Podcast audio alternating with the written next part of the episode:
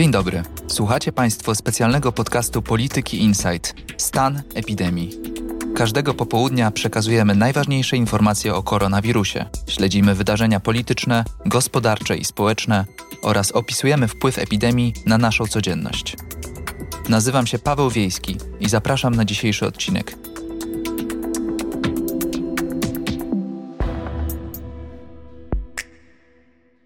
Jest czwartek, 18 czerwca.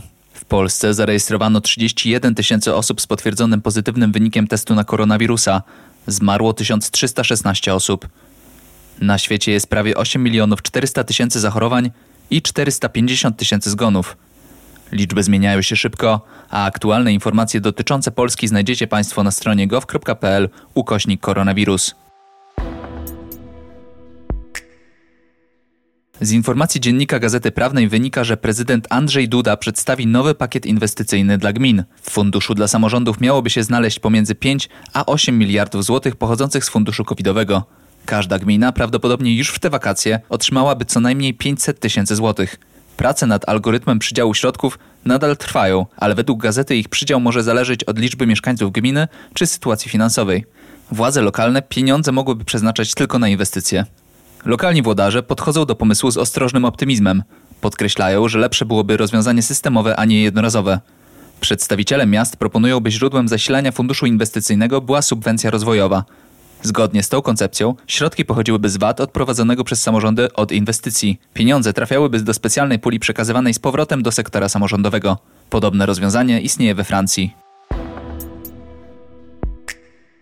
A już dziś do Sejmu trafił prezydencki projekt bonu turystycznego.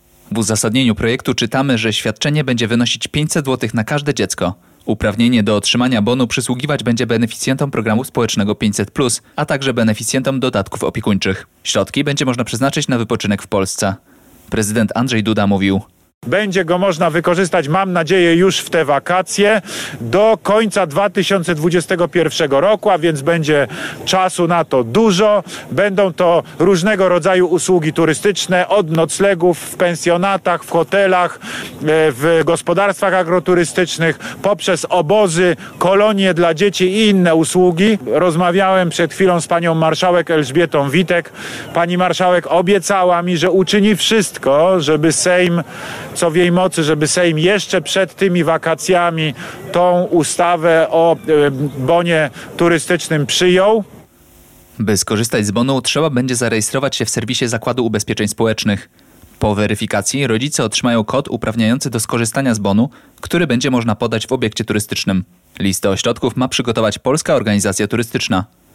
Według prezydenta całkowity koszt polskiego bonu turystycznego nie przekroczy 4 miliardów złotych. O bonie turystycznym, a także o tym, jak zmienia się turystyka krajowa i czy ten sezon należy spisać na straty, rozmawiamy z Romanem Krupą, wójtem podhalańskiej gminy Kościelisko. Dzień dobry. Czy mógłby nam pan opowiedzieć, jaki wpływ epidemia koronawirusa miała na życie w pańskiej gminie?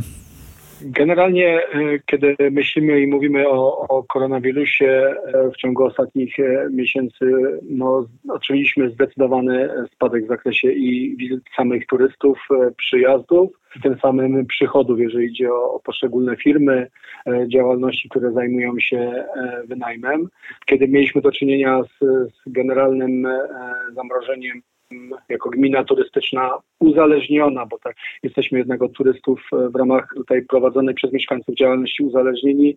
E, no zdecydowanie e, tych turystów tutaj nie było. Przychody i osób wynajmujących firmy spadły diametralnie. Teraz stopniowo ta sytuacja zaczyna wracać do normy. Z pewnymi modyfikacjami oczywiście, bo, bo zauważamy, że ten sposób wypoczynku się zmienił, zarówno co do okresu, jak i co do form z jakich korzystają e, turyści, szukając miejsca, które decydują się e, wynająć.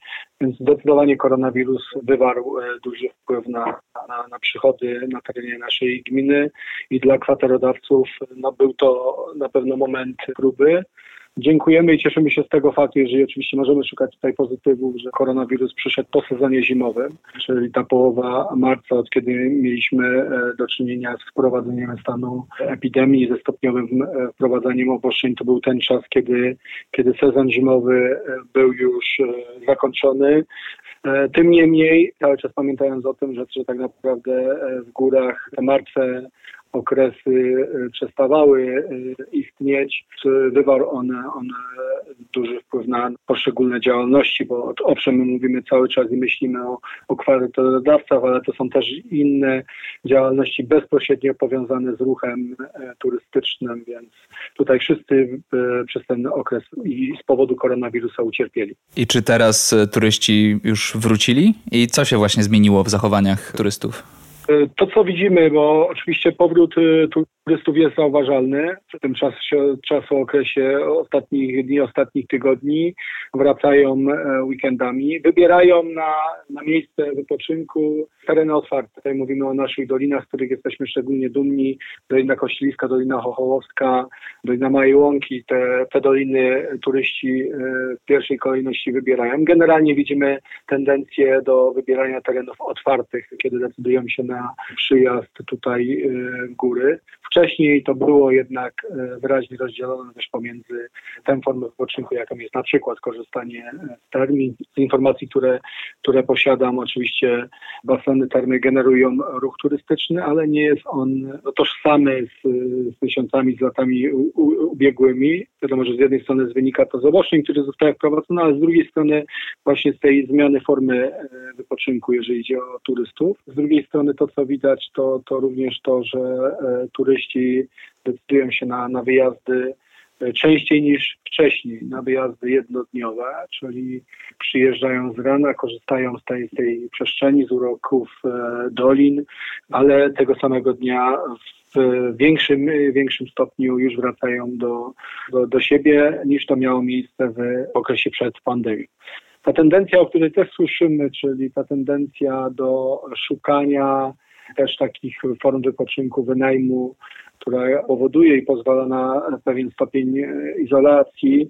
Tutaj też to jest zauważalne i tutaj też rozmawiając z kwaterodawcami, oni mi to potwierdzają, że w pierwszej kolejności większym zainteresowaniem cieszą się domki, cieszą się apartamenty. W mniejszym stopniu za to takim przedmiotem pierwszego wyboru są pensjonaty, inne, inne obiekty. Więc tutaj to też jest e, zauważalne i ci właściciele, którzy, którzy mają apartamenty, mają domki, e, widzą różnicę w stosunku do poprzednich e, tygodni. E, na razie z tygodnia na tydzień, z weekendu na, na weekend e, obserwujemy wzrost zainteresowania. Jak pan ocenia taką kondycję finansową przedsiębiorców z branży turystycznej w pańskiej gminie i czy jakimś wsparciem dla nich może być ten proponowany bon turystyczny?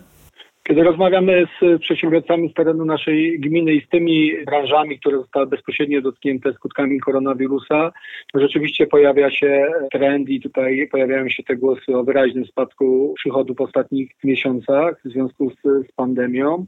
Tak jak powiedziałem wcześniej, z jednej strony z tego się cieszymy, że to nie było w sezonie wysokim, więc ci przedsiębiorcy korzystają jeszcze z tych środków, które zostały wcześniej wypracowane. Tym niemniej, no tutaj też jakby pula pieniędzy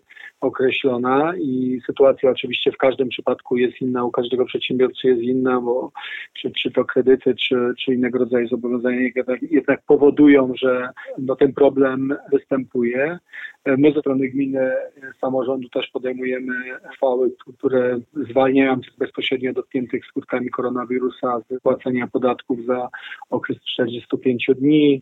Tutaj zmieniliśmy e, termin, kiedy ten podatek e, jest konieczny do, zapłaty, więc też staramy się do tego podejść odpowiednio. Co do przyszłości i patrzenia na bon turystyczny, które, które dzisiaj, który został dzisiaj złożony do Laski Marszałkowskiej, no oczywiście upatrują tę szansę moi przedsiębiorcy, bo, bo zdają sobie sprawę, że ten ruch turystyczny, który będzie generowany w najbliższych miesiącach, będzie generowany w oparciu o, o teren naszego kraju, więc sytuacji, kiedy ten bon zasili y, rodziny, pojawi się jednak u nich dodatkowy impuls, bo będzie to przyczynek do tego, żeby jednak rozważyć, czy nie wybrać się z rodziną na, na urlop.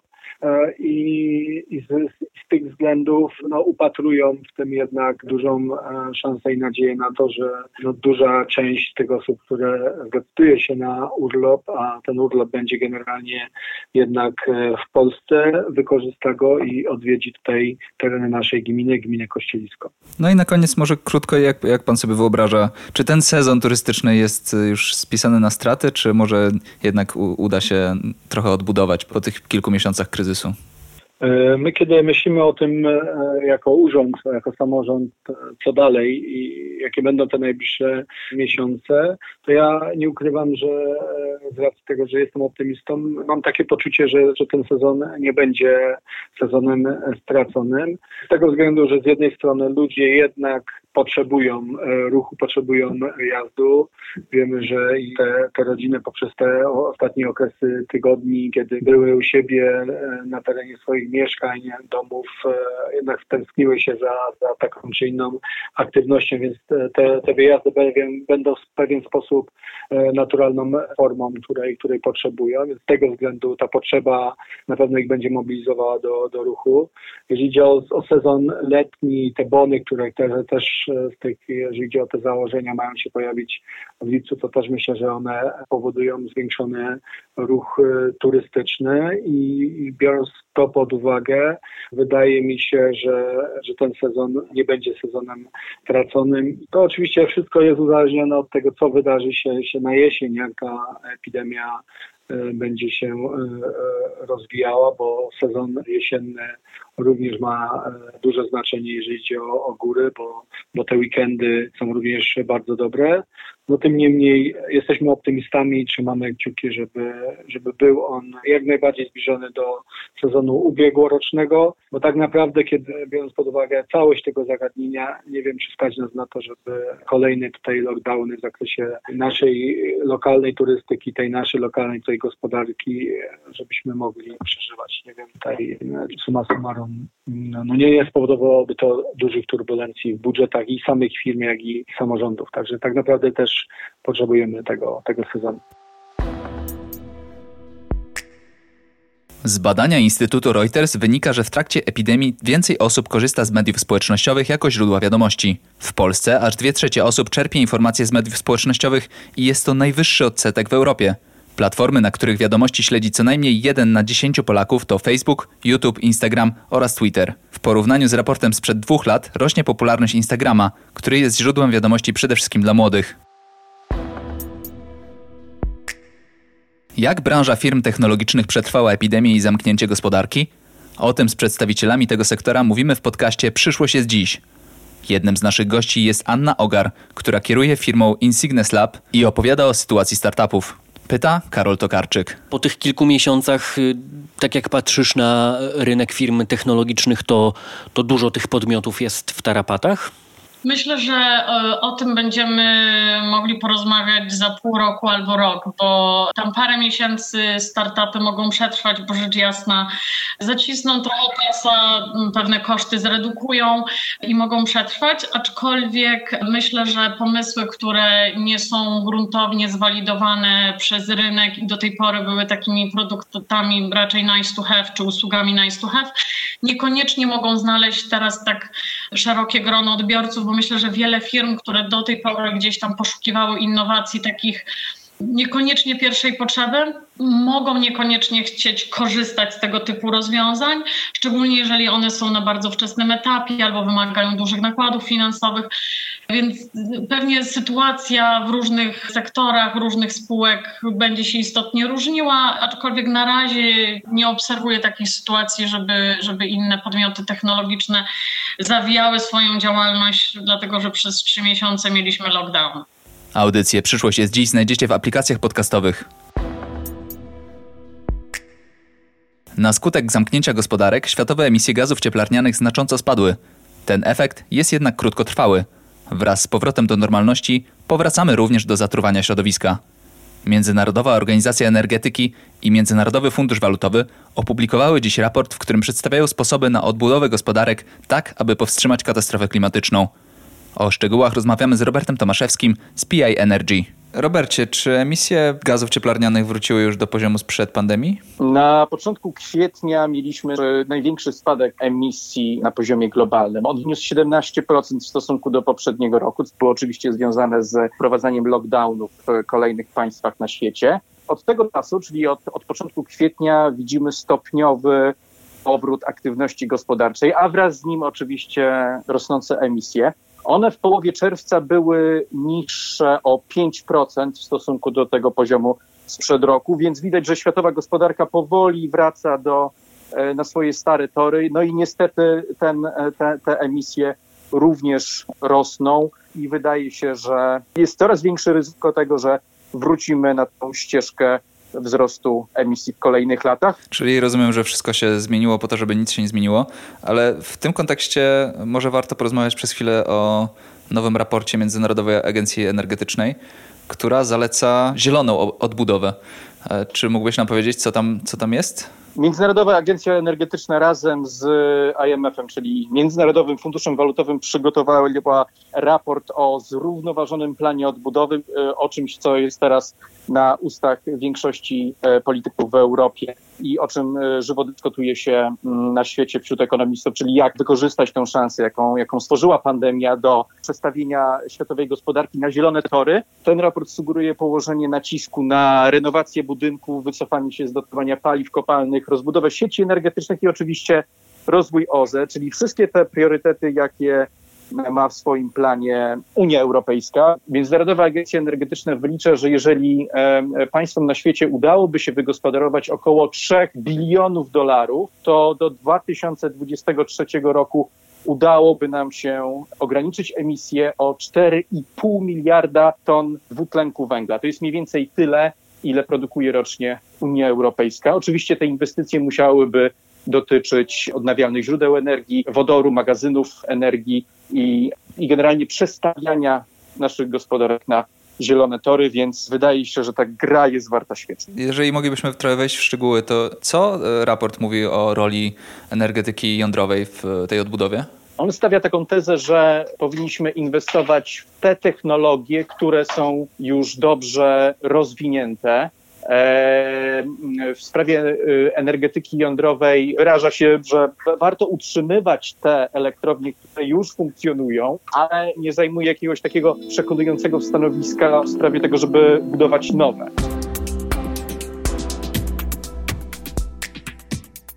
Na dziś to wszystko. Na kolejny odcinek zapraszam już jutro.